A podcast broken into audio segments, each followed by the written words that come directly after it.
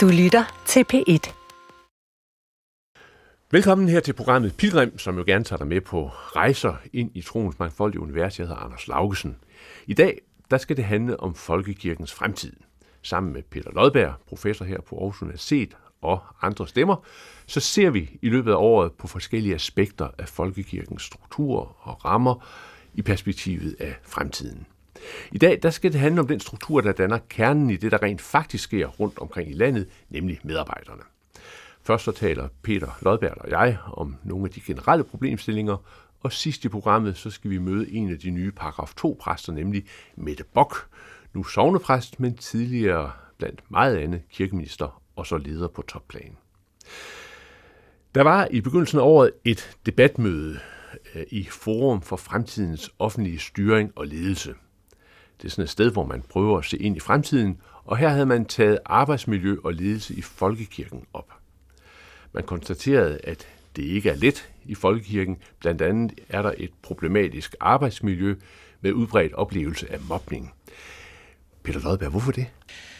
Jeg tror, det er fordi, at der er øh, mange forskellige forventninger til, øh, hvordan man skal øh, arbejde, og det er måske også svært at øh, sætte fælles mål for, hvornår er arbejdet lykkes, mm. hvornår har man gjort det godt nok, øh, og hvad skal der til for at være et øh, sovn, mm. der, der fungerer. Og der har man måske også en uafklaret hierarkisk struktur om, hvem er det egentlig, der bestemmer, mm. og hvem er det, der kan gå foran og sætte en uh, dagsorden. Ja, for det lyder jo mærkeligt. Det er et sted, hvor man taler om næstekærlighed, og, altså, og hvor der jo sådan set er gode kår, øh, rammevilkår for, for, for de ansatte, at, at man der har øh, arbejdsmiljøproblemer. Ja, men ja, hver gang jeg hører og læser om arbejdsmiljøproblemer i Folkekirken, så kommer jeg til at tænke på min gamle lærer i Heidelberg i mm. Tyskland. Uh, han hed Wolfgang Huber, uh, og han sagde, at kirken er en institutionaliseret konflikt. Jo. Uh, og det må man jo sige, at det uh, fremtræder den som nogle gange. Mm. Uh, fordi at den skal så meget. Den skal både være et, uh, en, en jordisk arbejdsplads, den skal forkynde et evangelium om håb for fremtiden, mm. og den skal begrave de døde på en måde, så de efterladte ikke føler sig svigtet, men set, og den skal samtidig være et sted, hvor glæde og øh, forundring trives, øh, når mennesker bliver døbt eller øh, skal vis. Så folkekirken skal rigtig mange ting, øh, og folkekirkens medarbejdere øh, skal rigtig mange ting. Og på den måde kan man jo en gang imellem måske godt komme til at øh, glemme, hvad man er fælles om, og hvad budskabet egentlig går ud på, fordi øh, kirken er også mennesker af kød og blod, øh, der har fejl og mangler, ligesom alle andre arbejdspladser. I den forstand er folkekirken hverken værre eller bedre end andre store arbejdspladser. Men, men der er flere problemer i folkekirken end i andre store arbejdspladser. Det siger undersøgelser. Og det er det, der er det helt store problem. Og selvfølgelig øh, skal det tages alvorligt. Øh, det skal bestemt ikke på nogen måder øh, negligeres, fordi øh, en, en gang imellem, så kan den måde, hvorpå kirken træder frem i samfundet på, det kan jo godt virke utroværdigt, fordi øh, det evangelium, som man skal forkynde, handler jo om tilgivelse, forsoning, kærlighed, barmhjertighed, men hvis ikke man selv er i stand til at leve op til det, så bestemmer man jo også selv faldhøjden, mm. fordi så bliver man taget i hykleri. Ja. Men, men når man sådan ser folkekirken og kender det fra de øh, beskrivelser af konflikter, som jo både du og jeg jo øh, har truffet på, så øh, kan man sige, at der er en ting, som har at gøre øh, med, hvad skal vi sige, et solist øh, problem eller en solistkultur, for der er rigtig mange solister i folkekirken. Ja, og der er rigtig mange arbejdsgrupper Altså, der er rigtig... Der er solister. der er solister, ja. Øh, fordi kirketjeneren skal øh, udøve et og udføre sit arbejde, øh, og kan sådan set gøre det mere eller mindre i løbet af, af dagen, uafhængig af de andre. Kordegnen eller kirke- og kulturmedarbejderen skal også udøve et arbejde, og så på den måde er der rigtig mange solister. Og måske har der også været i Folkekirken den opfattelse, at når man lavede kurser og efteruddannelse, så lavede man det for hver faggruppe, mm. sådan at så mødtes graverne og til et kursus, så mødtes kordejen til et andet kursus, og præsterne mødtes så til deres kurser. Man lavede aldrig fælles kurser, mm. og måske afstemte, hvad er den fælles forventning øh, til det, at øh, vi skal være medarbejdere sammen. Mm. Og det håber jeg kan komme ud i fremtiden af den her øh, turbulens, som folkekirken er i på, på den her side, at man simpelthen begynder at holde møder og samarbejdskurser på tværs, mm. hvor man øh, forventningsafstemmer, mm. hvad de forventninger et sovn eller medarbejder har til hinanden, er det de forventninger, man selv mener, man skal indfri. Mm. Fordi egentlig, når det kommer til stykket, så skal en præst egentlig ikke ret meget.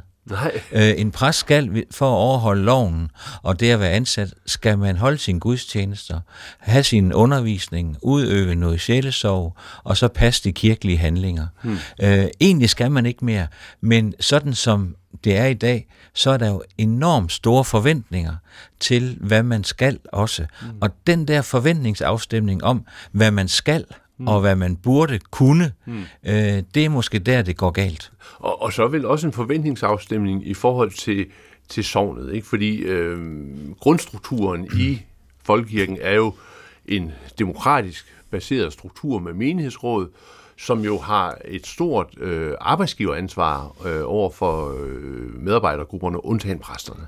Ja, det er jo der, vi har det, man kalder den dobbelte ledelsesstruktur, eller de to søjler. Øh, og det er for mange, øh, herunder mig selv, det er et problem, at man har øh, den her, sådan at man altid taler om medarbejderne og præsten, mm. underforstået, at medarbejderne, det er så menighedsrådet, der har øh, et, øh, et øh, arbejdsgiveransvar for dem, og så er præsterne ansat i den struktur, der handler om provst og biskop og kirkeministerium. Mm. Og det indbygger simpelthen en skævhed. Mm. Oprindeligt var det jo for at sikre, forkyndelsesfriheden, og det kan man på mange måder godt hilse velkommen, men det har bare vist sig i takt med, at folkekirken er blevet store bykirker, og er blevet store, øh, kan man sige, kirker i forstederne, så er der kommet mange medarbejdere. Ja. Øh, sådan at et almindeligt forstadssovn kan jo godt, hvis de holder et medarbejdermøde med kirkegård og det hele, så kan de jo godt sidde en 15-20 medarbejdere. Mm. Øh, og øh, der dur det ikke, at der så at sige er en, nemlig præsten, som har en form for særbehandling mm. i forhold til de andre.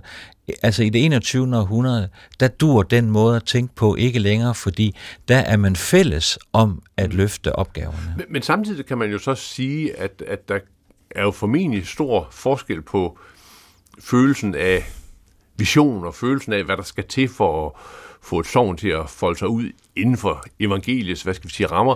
Øh, hvis du tager en medarbejder på kirkegården, øh, og så præsten. Ikke? Altså, der, der, der, der er jo, det er jo forskellige kompetencer, man har. Det er bestemt øh, forskellige kompetencer, og det er forskellige uddannelser, og man skal være dygtig til det, man gør. Så jeg sidder ikke her og siger, at alle skal gøre det samme. Men for mig er det meget vigtigt, og her vil det jo afsløre, hvilket kirkesyn man har, hvilken ja. grundlæggende opfattelse har man af, af, hvad kirken er til for, og hvordan den skal forstås. Og her vil der være mange forskellige synspunkter. Min, min grundlæggende holdning, det er, at alle medarbejdere, uanset om man er graver, eller man er kordegn eller præst, så springer man ud af det almindelige præstedømme. Hmm. Altså, der er jeg af den opfattelse, at det er vigtigt, at man er medlem af den kirke, som man skal arbejde i. Det ved jeg godt, der bliver stillet spørgsmålstegn om. Skal kordegnen være medlem af Folkekirken, mm. og skal man være medlem på... Og der ved jeg godt, at der, der deler det sig. Men jeg er den opfattelse, at et af grundproblemerne opstår, hvis ikke man har den samme forståelse af, at man har den samme forkyndelsesopgave, mm. men så skal den udøves i forskellige funktioner, hmm. alt efter man er på kirkegården eller på kirkekontoret. Men Peter Lodberg, vi ved jo godt, at selvom vi så har samme baggrund, og vi sidder der 20 mennesker og kigger på hinanden, så... Øh ja, det kan jeg i hvert fald huske fra gamle dage, så kunne der godt nok gå lang tid nede på Forlev Spejdercenter med at tale, hvor vi havde kollektiv ledelse, ikke med at tale sig til ret om, hvad der skulle gøres. Altså nu er man ligesom kommet frem til, at, at der er brug for en eller anden form for struktur og ledelse. Ikke? Mm. Mm. Og så kommer spørgsmålet, er det så menighedsrådet, der ligesom er den struktur, øh, og er menighedsrådet kvalificeret til det? Altså et menighedsråd bør være kvalificeret til det, og i udgangspunktet skal man forvente, at et menighedsråd er kvalificeret til det. Øh, og hvis menighedsrådet ikke selv mener, at de er kvalificeret til det, så må de sørge for at blive det mm. ved enten uddannelse eller afholde fælles visionsseminarer med præster og medarbejdere øh, i, øh, i kirken. Så, så man kan, jeg synes ikke, man kan undskylde et meningsråd og sige, at de ikke har evnerne, fordi de bør have evnerne, fordi de er blevet valgt, og de har påtaget sig et vigtigt ansvar. Øh, med, og de er jo også forskellige. Mm. De har også forskellige funktioner og forskellige interesser. Øh, så, men det er klart, der ligger en udfordring i, at lægfolket skal være myndigt. Mm. Og, men så skal man også rent faktisk give dem mulighederne for at lede og fordele øh, og indgå i, i et forpligtende samarbejde. Men altså, øh, i hvert fald ude på landet, og det jeg tror nu også, at det er sådan inde i byen, der kan man sige, at i gamle dage, der var der måske en læger, en apoteker og en skoleinspektør, der gik ind og var med i meningsrådet sammen med øh, øvrige medlemmer. Ikke? Der var mm. nogle kompetencer, som kom til stede i meningsrådet i kraft af folks øh, erhvervserfaring. Mm. Sådan er det jo mange steder ikke længere. Øh, og, og dermed så kan man sige, at den øh, kompetence, du taler om, den er der jo ret lang øh, vej til, fordi hvis man skal bevæge sig fra at have været øh, eller andet, øh, hvor der ikke er nogen som helst form for ledelse og nogen som helst mm. form for organisationer, man, man kender måske heller ikke mm. det kirkelige grundlag særlig godt, og så ind til at være med til at stå i spidsen for 20 medarbejdere, så, så er der jo altså temmelig lang vej. Det er bestemt en stor opgave, og jeg ved selvfølgelig også godt, at der er mange menighedsråd, der, der vonder sig, eller mange menighedsrådsmedlemmer, der siger, hold da op, jeg var ikke klar over, at det var så omfandet arbejde, mm. dengang jeg besluttede mig for at uh, træde ind i et menighedsrådsarbejde.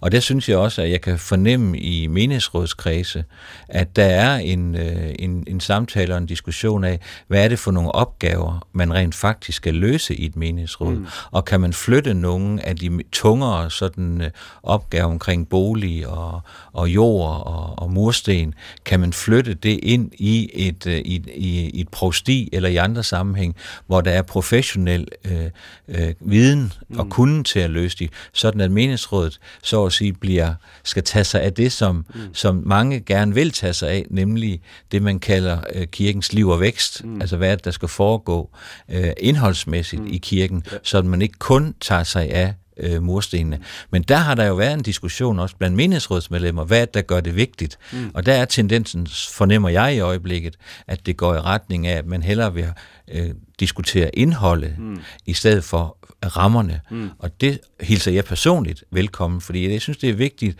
at menighedsråd og lægefolket tager ansvar for kirken. Peter Lodberg, det er så en måde at se fremtidens struktur i kirken, altså at man på en måde opnormerer øh, meningsrådens mm. evne til at, mm. at tage ledelsesansvar. Mm. Men der er jo helt klart også en anden øh, tendens i den diskussion, som går i retning af, at man skal have en folkekirke, der minder sådan strukturelt om øh, det offentlige øvrigt, altså hvor man får en, en helt anden styr på tingene. Ja, og øh, det kan man jo godt se, at, at skal man drive det som et universitet, eller som en folkeskole, eller som en anden øh, institution. Jeg tror da bestemt, man kan lære meget af den ledelsestænkning, der, der, der foregår andre steder. Men jeg synes også, det, og, man, og man skal udfordre øh, det, der også er et problem i folkekirken, at, man, at det er sådan lidt med, at man, man leder ved at dele og herske. Mm. Man, har, man har så mange, der skal tages i ed. Der er så mange lag, og der er så meget tradition, som gør, at der kan være meget langt fra idé til at udfolde, hvordan den idé så skal gennemføres.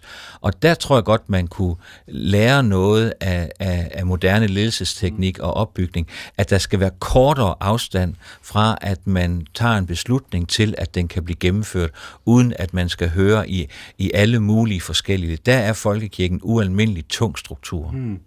En af de ting, der blev øh, diskuteret i øh, på den her konference øh, i Forum for Fremtidens Offentlige Styring og Ledelse, det var øh, spørgsmålet, om der er for, øh, for meget tilsyn og for lidt ledelse, altså et tilsyn i stedet for ledelse, fordi det er jo det, man ofte taler om i folkekirken, at, at provster og biskop har tilsyn, ikke, men ikke ledelse.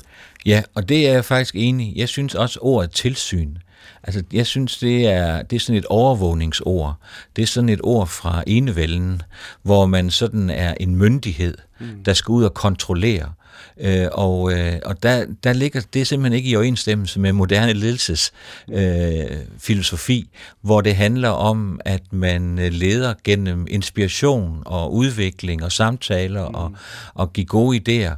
Øh, der kommer sådan et magthierarkisk forhold ind imellem øh, en, en, der skal føre tilsyn, og så med det, som jeg laver. Der ligger sådan en form for, bare i ordet, der ligger der, synes jeg, sådan en form for mistillid. Mm. Øh, om man nu også gør tingene, som man skal, i stedet for at have tillid til, at når man har ansat en, en person, så kan vedkommende sammen med de andre godt løfte den. Mm. Så jeg synes også, at man skal begynde at øh, kigge kritisk på overhovedet tilsyn, for jeg tror, det skaber en kultur. Mm. Ord har det jo med at skabe, hvad det nævner, mm. og jeg synes ikke, det er frugtbart at bruge den type af, af ord, fordi det, det, det, det, dermed fornemmer man ikke, at man har et fælles ansvar mm. for, at det lykkes. Mm. Men, men i ordet ledelse, der ligger der så også en autoritet, og der har vi jo så, hvis vi går fra, fra meningsråden, så har vi jo sådan to, øh, ja faktisk tre niveauer over. Vi har altså dels prostierne, og så har vi biskopperne.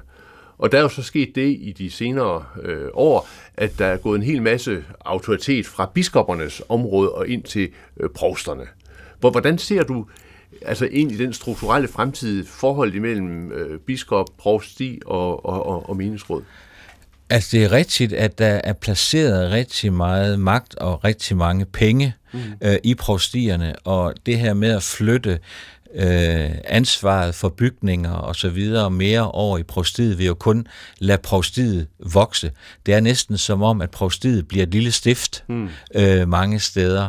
Øh, og det synes jeg, man kan så opfatte som noget positivt ved at frisætte øh, biskoppen og stiftsrådet til at være øh, steder, hvor man kan inspirere, hvor man kan diskutere mm. de lange linjer, hvor man kan inddrage øh, menighedsrådene i øh, at tænke øh, nyt og tænke anderledes, og måske også prøve at inddrage mm. øh, folk, for eksempel i et stift, øh, til at uh, diskutere uh, med biskoppen og eventuelt et stiftsråd, hvad er det for, uh, et, hvad er det for et stift, vi har. Mm. Jeg synes for eksempel, at jeg savner lidt, at biskopper kunne godt i deres stift invitere de folketingsmedlemmer, mm. der er valgt i stiftet for mm. at diskutere, hvad er det for et samfund, vi gerne vil have? Hvad er kirkens mm. rolle i det samfund? Nu har vi lige afskaffet Stor Bededag, og der snakkes om at afskaffe andre helligdage. Hvad er det for et mm. samfund, mm. øh, som politikerne ser for sig, og hvad er folkekirkens rolle i den?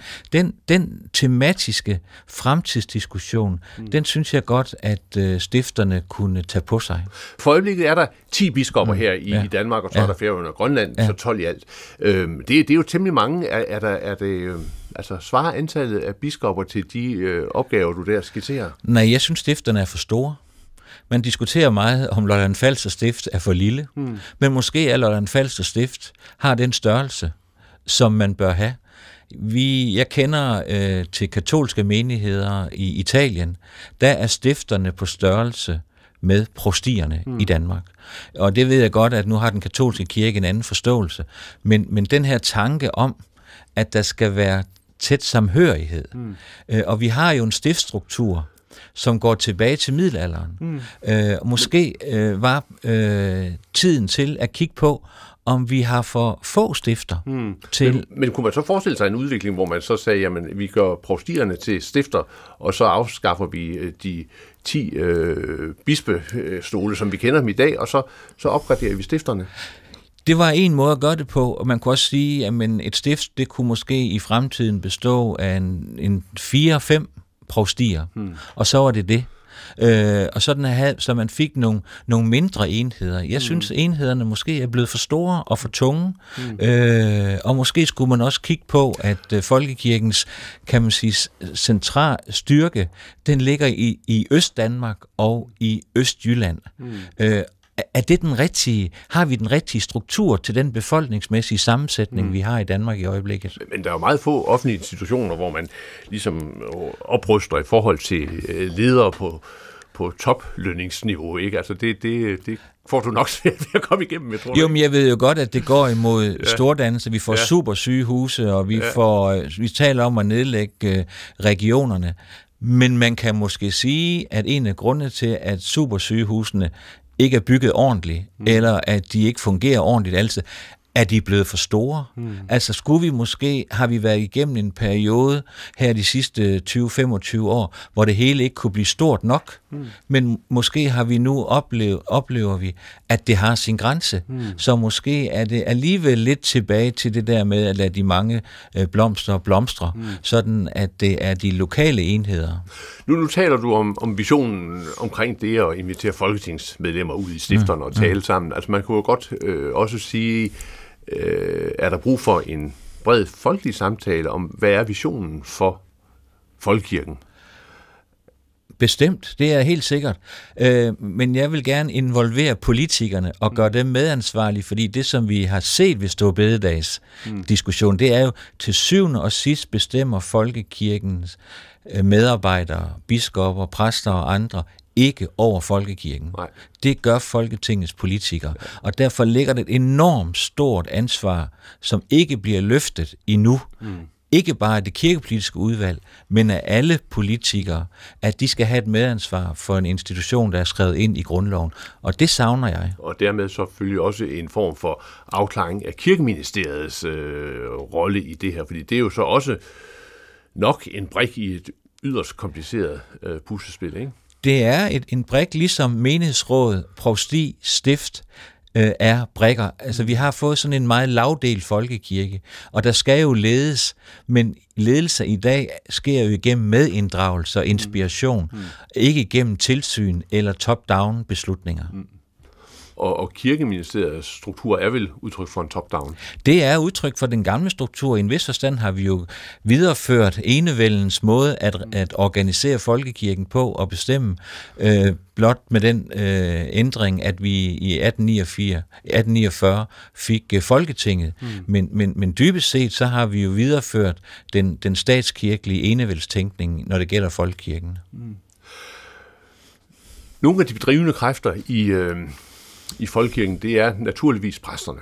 Nu sidder vi inde på mm. øh, Aarhus øh, Universitet. I gamle dage kunne jeg sige det teologiske fakultet. Det kan jeg ikke længere.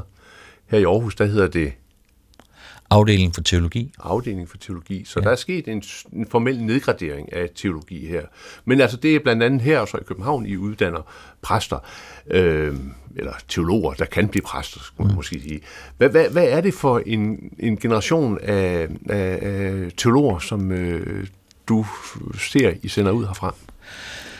Altså, jeg er ret imponeret over kvaliteten, øh, den faglige kvalitet af de øh, teologer, som studerer teologi i øjeblikket, og jeg synes, den er blevet, øh, den er blevet god. Øh, man kan mærke, at mange øh, unge mennesker, der ønsker at, øh, at læse teologi for eventuelt at blive præst, øh, de skal kunne argumentere for, hvorfor de gør det mm. øh, over for deres familie eller over for deres venner, fordi at det er, man stiller sig selv lidt ud, øh, og man skal begrunde nødvendigheden af det, man gør. Så de, mange af dem er meget modne, øh, og, og ved, hvad de gør, og hvorfor de gør det. Øh, og så er de meget forskellige. Mm. Øh, I øjeblikket har jeg lavet mig fortælle, at vi rekrutterer mange studerende fra øh, Folkekirkens ungdomskor ja. øh, rundt omkring i, i landet, fordi at de igennem deres deltagelse i gudstjenesten eller kirkelige handlinger mm. bliver inspireret til. Øh, så får vi også nogen fra de kirkelige børne- og ungdomsorganisationer, ikke så mange, som vi gjorde tidligere, mm. øh, og så er der nogen, som øh, ikke har nogen bestemt baggrund, sådan man lige kan se, udover at de selvfølgelig er tænksomme mennesker, men at de øh, er optaget af sprog, litteratur, filosofi, øh, og her kan man sige, de får på teologi, der får de det lille universitet i det store mm. universitet. Øh, og det, det vil de gerne have. Så jeg synes, det er en meget, øh, det er meget broget, det er meget sammensat, men det er også en meget spændende gruppe, fordi øh, man er dygtig fagligt, og man kan nogle ting. Det, dengang øh, du og jeg, vi var studerende, der var der øh, mange, som var engageret ind i øh, kirkeligt arbejde, mens mm. man studerede, og mm. der var en række øh, kirkelige organisationer, som, som, som var meget øh, socialt orienteret, politisk orienteret. Mm. Hvordan, ser, hvordan ser, ser det øh, billede ud i dag? Det billede er nok noget anderledes. Øh, I, det at gå på et universitet i dag er helt anderledes, end det var i slutningen af 70'erne og begyndelsen af 80'erne, fordi det er meget strammere bygget op. Mm. Der er meget strammere øh, krav til, at man gennemfører øh, på den studietid, der er beregnet, hvis ikke man skal blive straffet øh, mm. på forskellige måder. Og man bliver for eksempel øh, tilmeldt automatisk eksamenerne, hvor man i gamle dage, der skulle man selv beslutte sig for, mm. hvornår synes man, man var klar. Så den frihed, øh, og den selvdisciplin, som en tidligere studerende øh, måtte have, den behøver man ikke på samme måde. Mm. Det er ikke tilfældigt, at studerende i dag taler om, at de skal på, i skole, mm. og at de, fordi det, det er blevet mere en skole, end det er blevet det frie universitet. Mm. Og, øh, og det er måske en udvikling, som vil fortsætte. Jeg begræder den øh, personligt selv, fordi jeg synes, den frihed og den selvstændighed, det gamle system, det er ligesom en, inviteret til, øh, det er jo det, som man egentlig også skal bruge som præst. Mm. Fordi der er det også meget selvledelse og meget selvdisciplin, og det er hele tiden at holde sig selv i gang og, og være på omgangshøjde med de, de, de sidste nye teologiske indsigter.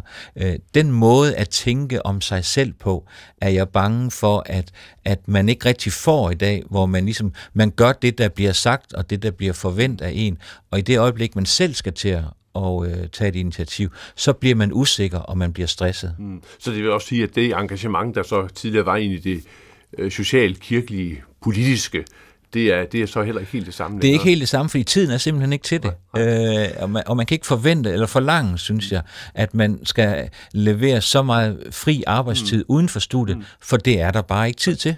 Men det betyder så, at når kandidaterne så kommer ud nu, så er det en anden type af kandidater, som, som så kommer ud med måske mindre, måske mindre dagsorden end tidligere. Ja, altså de har, de har en, en, nok en anden dagsorden, og de har nok en anden opfattelse af, øh, hvad deres rolle skal være. Måske har de mere en forståelse af, jamen vi skal ud og have et arbejde, øh, og det har nogle, det har, det skal foregå øh, øh, fem dage om ugen, det skal foregå øh, inden for nogle bestemte klokkeslæt. Altså man får måske den, den type af holdning, i stedet for at man, man havde den der oplevelse af, jamen at være præst, Jamen, det er bare noget, man er. Mm, det er kald. Det er et kald, som man hviler i, mm. øh, og, øh, og så må man se, hvad, hvordan man håndterer det.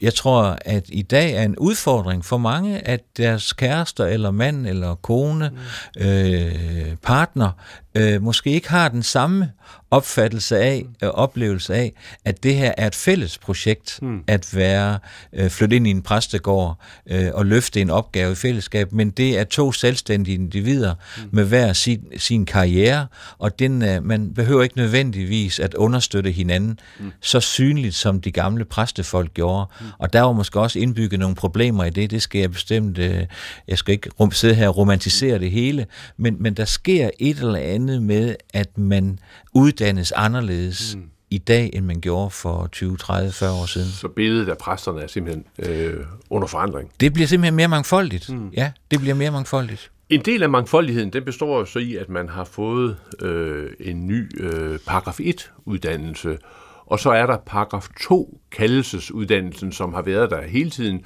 og hvor der nu også er begyndt at komme flere øh, ind til den. Vi skal lige kort vende paragraf 1, hvad det er. Paragraf 1a, som den formelt set hedder, det er en mulighed for at øh, søge kirkeministeriet om at få en studieplan til at søge ind på universitetet under forudsætning af, at man har en kandidatuddannelse fra et dansk eller udenlandsk universitet, mm. så kan man søge kirkeministeriet om at få en studieplan, og den studieplan kan man så bruge til at søge øh, ind på universiteterne i Aarhus og i København på tompladsordningen, som det hedder. Øh, og så bestemmer universiteterne, hvor mange tomme pladser har vi. Øh, for eksempel 40 pladser. Så kan der af dem, der har søgt mm. kirkeministeriet, der er der så 40, der kan blive optaget, og de gennemfører så en uddannelse på to og et halvt år her, og så har de et halvt år på pastoralseminariet. Mm. Og så har kirkeministeriet så at sige forpligtet sig til, at de kan få lov til at søge et præstembede, mm. hvis de gennemfører den studieplan, de har fået mm. stukket mm. i hænderne.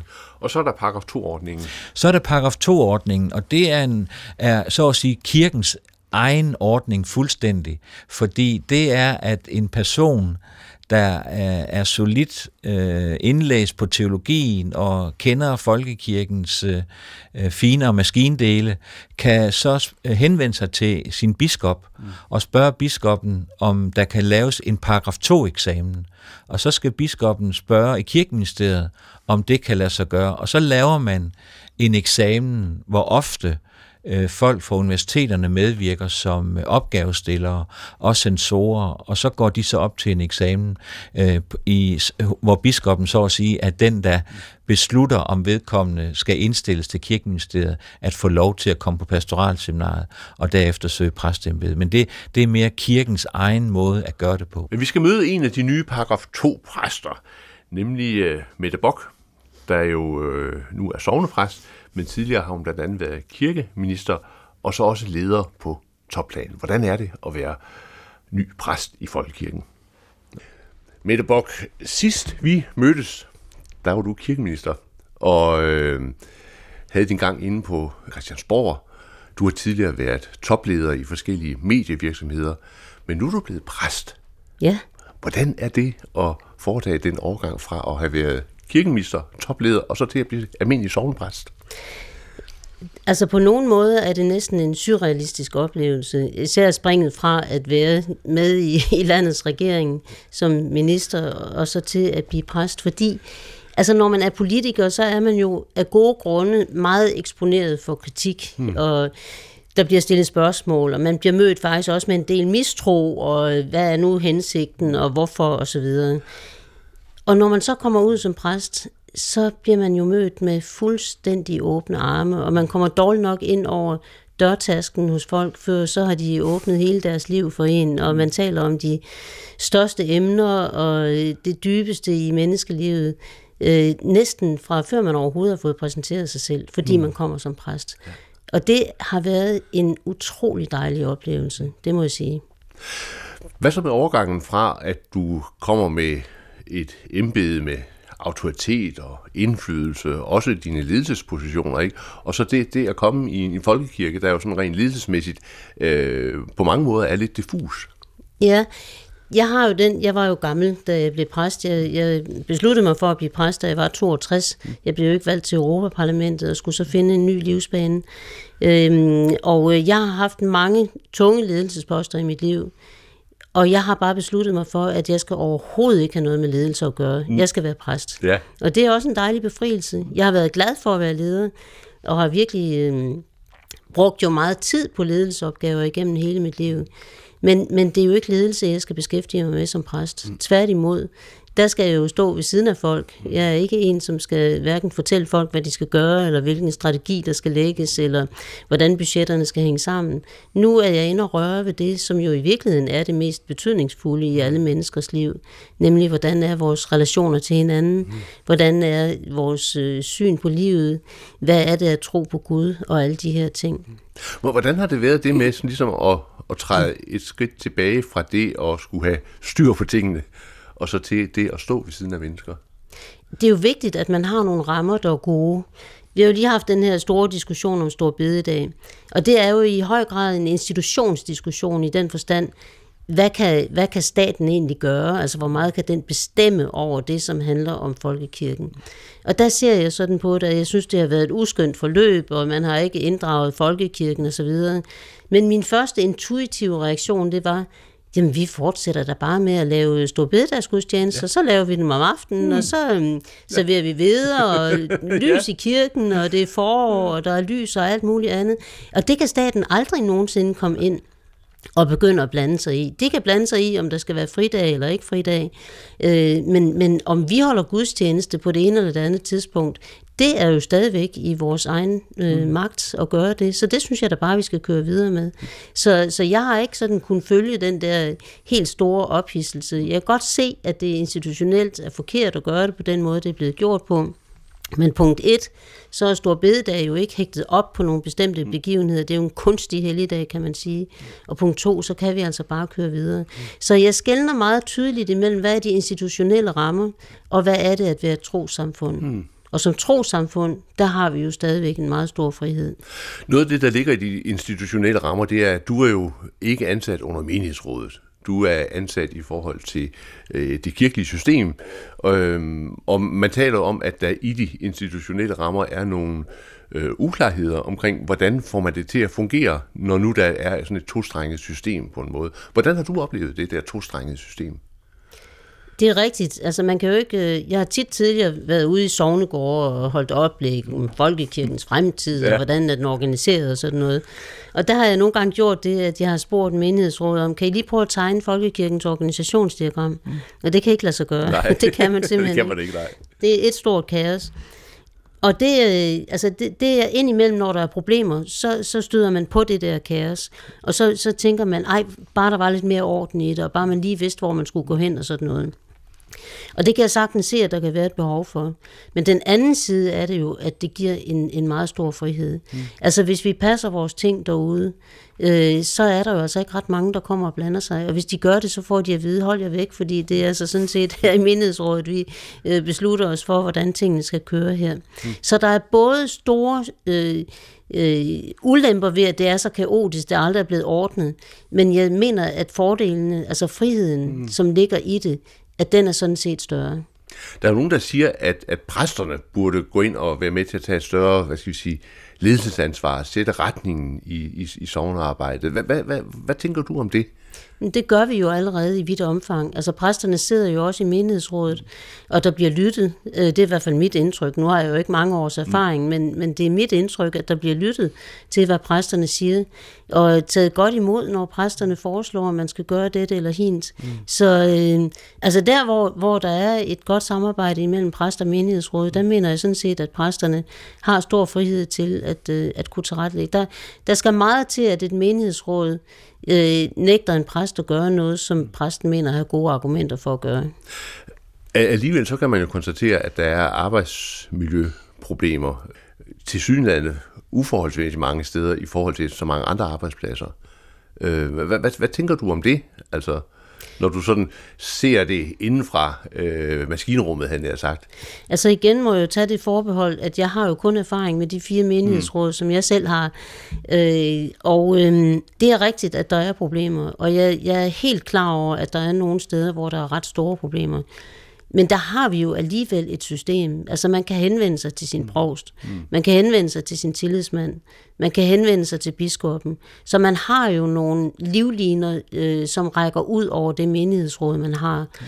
Og så har jeg hele livet haft den indstilling, at hvis man synes, at man er i et miljø, som man mistrives i, så kan man vælge at blive der og lade sig slide ned på det. Mm. Men man kunne også måske prøve at bevæge sig et andet sted hen. Fordi selvom man fungerer dårligt som præst et bestemt sted, der er måske et dårligt menighedsråd, mm. dårligt arbejdsmiljø, hvad ved jeg, så kan man jo sagtens blomstre et andet sted, mm. hvis man er villig til at flytte sig. Men det kræver selvfølgelig noget, det ved jeg godt. Det er jo ikke bare sådan lige, man gør med at knipse med fingrene. Men det, der skal være et ordentligt match. Så, så du ser ikke nogen systemiske problemer egentlig i det? Altså, det, jeg ser en større risiko ved, at man begynder at lave... Altså, nu, nu kommer du jo selv fra DR, der kan man faktisk heller ikke rigtig tegne et organisationsdiagram, Nej, det kan- og, det der kan man er, ikke. og der er ledelseslag med 20 mennesker oven på hinanden. Ikke? Og, og hvis man kigger på folkekirkens historie, så er det jo blevet et spidsere og spidsere hierarki. Mm. Altså, da man øh, i 1800, omkring 1860, der var der nogen, som, som foreslog menigheds, øh, eller præsterne derude, at hvis de ville præsterne, så kunne de godt lave et menighedsråd, som ligesom kunne bistå dem og hjælpe dem lidt. Det var der ikke nogen, der havde lyst til. Mm. Og det var først i 1903, vi fik øh, menighedsråd. Så fik vi i 1920'erne øh, prostier. Vi fik her i 2007 øh, stifterne, så vi har fået et mere og mere spidst hierarki. Og det er ikke hierarkier, der løser problemerne. Det er mennesker, der skal løse problemerne. Så selvfølgelig skal der være så meget klarhed som muligt, men vi skal altså passe på ikke at gøre det her til en institution, som ligner 12 og skat, eller vejdirektoratet, eller lignende, fordi det er ikke sikkert, det bliver bedre af det. Det er mennesker, som skal løse de her problemer. Og dermed siger jeg jo ikke, at intet skal forandres. Mm. Og der bliver jo hele tiden forandret på ting. Altså mange, i mange prostier er man jo begyndt at ansætte for eksempel personalekonsulenter og andet, som med en mere professionel tilgang kan tage sig af nogle af de her ting, som kan give problemer ude i det enkelte menighedsråd. Så der sker jo hele tiden en bevægelse. Men det der med, at folkekirken som institution, altså som ramme om et trosamfund, mm skal blive strømlignet, ligesom alle andre virksomheder. Det øh, skal man i hvert fald ikke bilde sig selv ind, at det løser alle problemer. En af de ting, der så ligger i måden folkekirken øh, fungerer på, det er jo så, at der øh, er mulighed for meget, meget stor frihed øh, og stor, øh, hvad skal vi sige, hmm, kreativitet i forhold til det at, at engagere sig i ting og få nye ting op at stå. Hvordan har du oplevet det at komme ind et sted, hvor du sådan set har ganske stor øh, bevægelsesfrihed? Det synes jeg er dejligt. Ja. Altså nu har jeg så været så privilegeret, at jeg det meste af mit liv har siddet i positioner, hvor jeg har haft stor indflydelse på mm. også, hvad jeg selv jeg kunne eller ikke kunne. Ja. Ikke? Men, men det, er jo da, det er jo dejligt at komme ud i, øh, i øh, Altså et sted, hvor, hvor hvis man har en god idé og nogle gode initiativer, jamen så kan man som regel få opbakning til det, og man kan ovenikøbet fra provstiets side også få lidt økonomisk støtte, hvis der er et eller andet, der skal have lidt brændstof for at, at komme i gang. Og så skal man hele tiden være så bevidst, at folkekirken jo både er et trosamfund, men også er en kulturinstitution. Mm. Og, og, og det, at, at folkekirken går på de to ben, betyder jo netop, at man ikke humper afsted, men man faktisk har begge ben at gå på. Mm. Og der er ikke så mange, der tænker over det, men altså Folkekirken er jo landets største koncertarrangør. Mm. Der bliver holdt foredrag i stimevis. Øh, øh, der er øh, masser af kunst i vores kirker, billedkunst i vores kirker osv. Og det, at det er også en kulturinstitution, er i virkeligheden det, som er med til at gøre det til en tryg ramme mm. Øh, for menneskers trosliv. Også mennesker, som måske kun kommer der, når deres børn skal døbes, eller deres forældre skal begraves, eller hvad det nu kan være.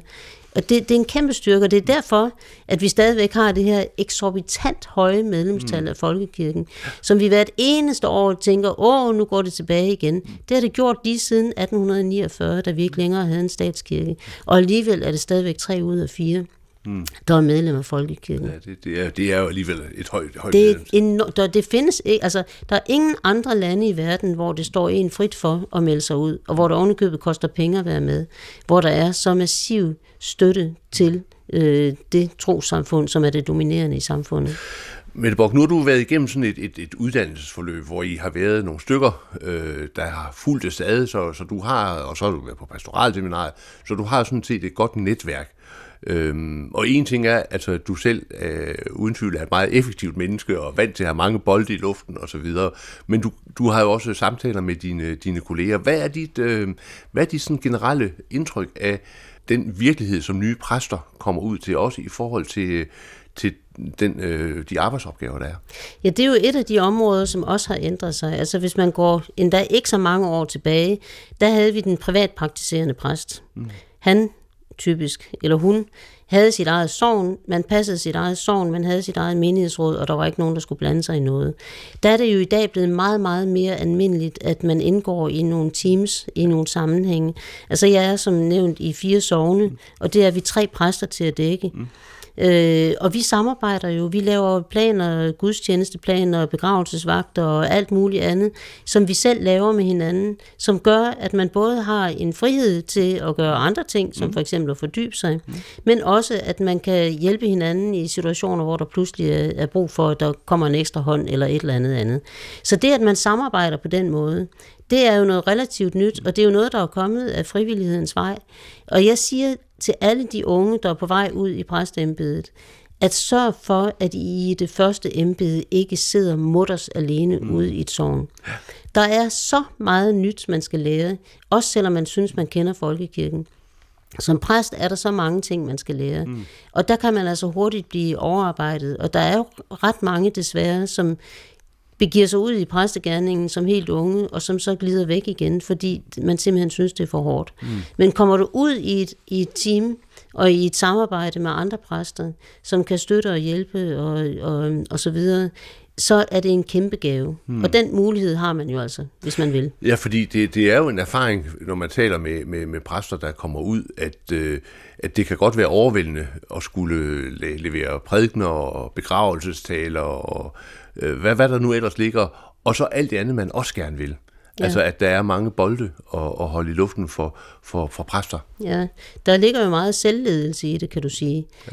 Og det, det er klart, at det kan være vanskeligere, hvis du er helt ung. Nu taler jeg lidt i meget generelle termer, men altså, for det helt unge menneske, der, der kan det være overvældende. Og der kan man, hvis ikke man har nogle kolleger ved siden af sig, mm. eller et menighedsråd, som siger, pas nu på, ikke? og du mm. kan ikke bare alting, og du skal også have tid til din familie, og, og hvad du ellers har i dit liv. Mm der, der har det jo for mig været altså en, en kæmpe gave, som jeg jo ikke tænker så meget over, men jeg har altid været vant til at skulle tilrettelægge min tid selv, og jeg har ikke problemer med at sige, jamen det har jeg ikke tid til nu, eller jeg synes, vi skal prioritere noget andet.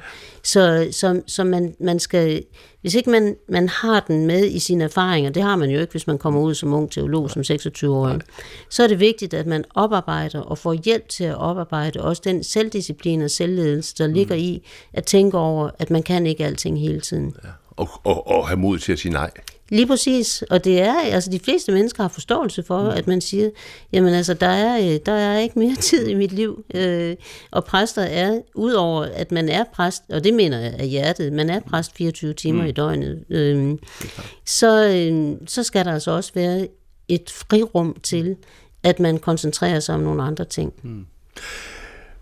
Du har interesseret dig for, for kristendom hele dit liv, og du har, har jo som tidligere som øh, aktiv øh, lægmand øh, haft stor viden, øh, men nu står du altså i den situation, at du sådan set fordyber dig ind i, øh, i den tradition og, og har tid til det også. Øh, hvad, hvad, hvad, har det, hvad, er det, hvad er det mest spændende været i den proces, eller hvad er det mest spændende i den proces for dig? Altså hvis jeg skal nævne en enkelt ting, altså der er rigtig meget, der er spændende, men hvis jeg skal nævne en enkelt ting, så er det at få gudstjenesten åbnet fra en anden side af døren end den, jeg altid har gået ind af. Og jeg har fået en langt, langt dybere forståelse og større kærlighed til gudstjenesten. Jeg mm. elsker gudstjenesten. Ja, ja. Og jeg ved godt, at der er rigtig meget diskussion om, om vi ikke vi skal forny og så videre. Og det mener jeg i høj grad, at vi skal.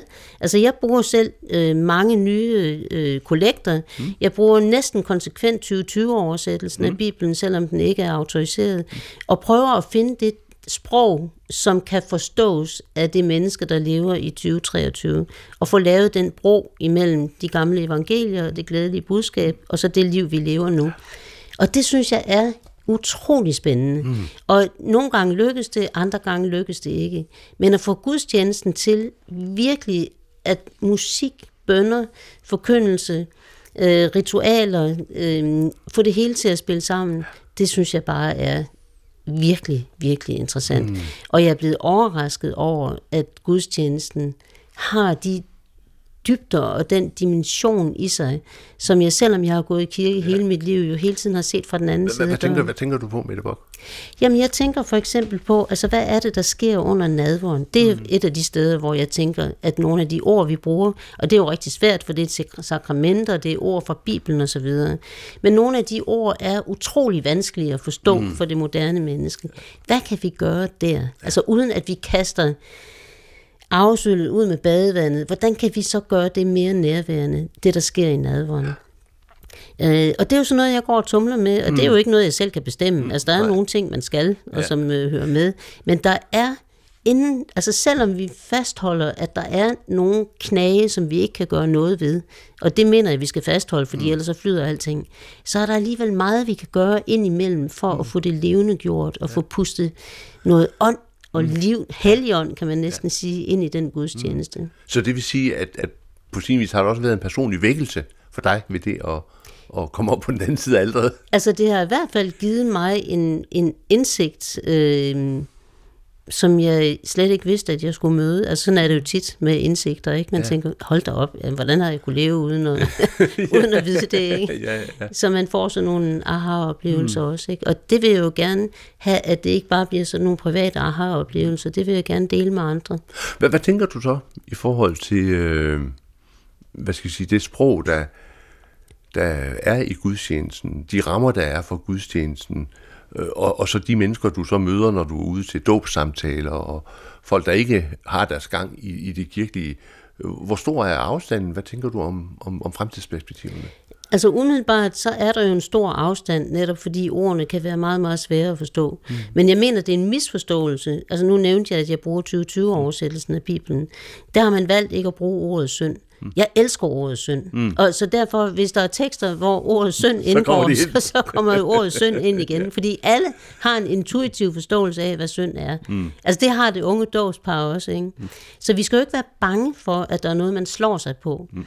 Øh, og, og, men altså kristendom er jo ikke humanisme. Humanisme er dejligt, men kristendommen er noget mere end humanisme. Mm. Og så er det jo, synes jeg, præstens opgave, en af opgaverne, det er at prøve at åbne, altså at se, hvad er det, der gemmer sig inde bag det her. Mm. Og for eksempel dåbsamtalen, ikke? det er jo utrolig smukt med at få at vide i dåben, at du med dåben bliver Guds barn, og Gud vil gå ved siden af dig, og det er kærlighed og så videre. Men der er jo også en anden side af dåben. Altså vand giver liv, men vand er også det, der renser. Ikke? Mm. Altså det der med, at synden bliver renset bort, så tænker man, det et lille yndige spædbarn, der ligger der. Hvad taler vi om, når vi taler om synd? Jamen så prøv at få den der forståelse ind for, at forud for det lille menneske, der skal døbes i dag, der er der jo slægtsled på slægtsled, på slægtsled, på slægtsled, som har båret rigtig meget med sig. Mm. Altså, man kan få nogle rigtig spændende samtaler med alle, altså uanset hvilken baggrund det mm. dåbspar har, som mm. man kommer ud og taler med, så er det jo noget, der interesserer, og der kan kirken jo noget. Ikke? Det er jo sjældent, man inviterer til en middag og siger, i dag eller i aften, der skal vi tale om håb, mm. eller der skal vi tale om tro. Vi er dårlige til at have de her samtaler, mm. ja. men der føler mange, at der er kirken, kirkerummet og det, der foregår omkring begivenhederne, som vi fejrer sammen i kirken, eller markerer i kirken, der er der et legitimt rum, hvor man også kan lære et sprog at mm. tale mm. om det i. Ja, ja. Men det er ikke kun præster, som skal lære folk at tale det sprog. Det er mindst lige så vigtigt, at vi præster lærer at forstå det sprog, som mm. mennesker, der ikke er vant til at komme i kirken, faktisk taler, og så få de ting til at mødes. Mm. Og, og i den forlængelse af det kan man jo godt sige, at der er en, en, en, øh, en tradition for, at man formidler de ting i en gudstjeneste sammenhæng, men øh, nu sidder vi et sted, hvor vi, hvor vi sådan taler i et medie, og man kunne også forestille sig, at der blev endnu flere sådan offentlige samtaler lige præcis omkring det, hvor, hvor der kom en dynamisk samtale imellem kristendom, kirke og så, og så befolkningen på vej. Helt sikkert, men det er bare svært at gøre, ikke? fordi ja. det, er, det er nemt nok for os at tale, når vi er i det ene rum, mm. og det, så kan vi flytte os over i det andet rum, og der kan vi så også tale om det i det sprog, der tales der. Men at få rummene til at mødes mm, ja, og ja. åbne sig over ja, for hinanden, ja. Det er straks vanskeligere, ikke? fordi mm. vi har, altså vi har, vi taler mange forskellige sprog. Mm. Øh, vi taler et sprog i vores familie, vi mm. taler et sprog på vores arbejdsplads, vi taler et sprog, når vi er i kirken osv. Men, men det bliver jo først rigtig interessant, når man kan få de sprog til at mm. tale sammen. Ja, lige præcis. Ja. Nu, nu har du været vant til at tale et politisk sprog, ikke? og der er så her et, et kristent sprog. Øhm, hvad tænker du om samspillet imellem det kristne sprog, kirkens sprog, og så det politiske sprog. Altså, øh, er der en øh, mission, om man så må sige, fra det kirkelige sprog i forhold til det politiske sprog?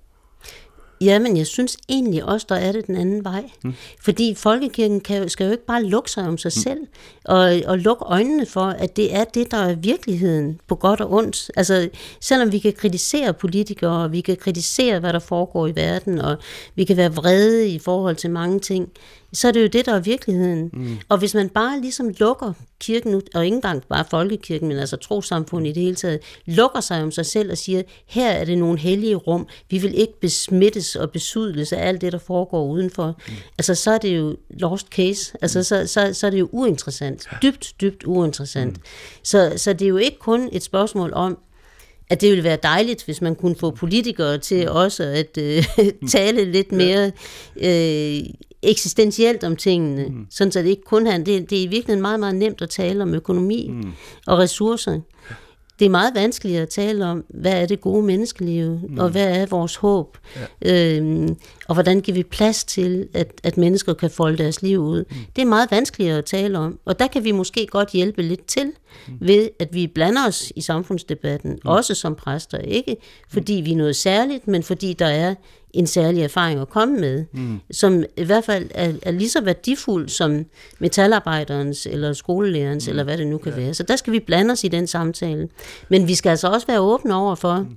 at, at virkeligheden er der, Og hvis ikke vi er åbne over for det, jamen så bliver det en gold kirke for mig at se. Så den der skillen, der jo øh, i traditionen har været imellem det politiske og det kirkelige, den, den mener du vil blive udfordret i fremtiden? Det mener jeg i højeste grad. Jeg mener sådan set også, Luther selv udfordrede den, fordi selvom han taler om de to regimenter, og især politikere jo mange gange har talt om, at det er meget vigtigt, at vi skældner imellem øh, det værslige og det gejstlige regimente, og der er ligesom en, så understreger Luther jo faktisk, at øh, ovenover det hele, der er altså Gud, som regerer over begge de der to regimenter. Så øh, tingene er jo, altså vi kan godt lide at dele tingene op som mennesker, ikke? fordi så har vi bedre overblik, så har vi bedre styr på det hele og så videre. Ikke? Men altså menneskelivet er jo et, altså som rummer det hele. Ikke? Mette Bok, og herinde i Peter Lodbergs kontor, der sidder vi nu og øh, runder af. Øh, tak fordi jeg måtte komme på besøg, Peter. Velkommen. Ja. Øh, her er der Anders Laugesen, der siger tak fordi du lyttede med, og forhåbentlig på genhør om en Gå på opdagelse i alle DR's podcast og radioprogrammer. I appen DR Lyd.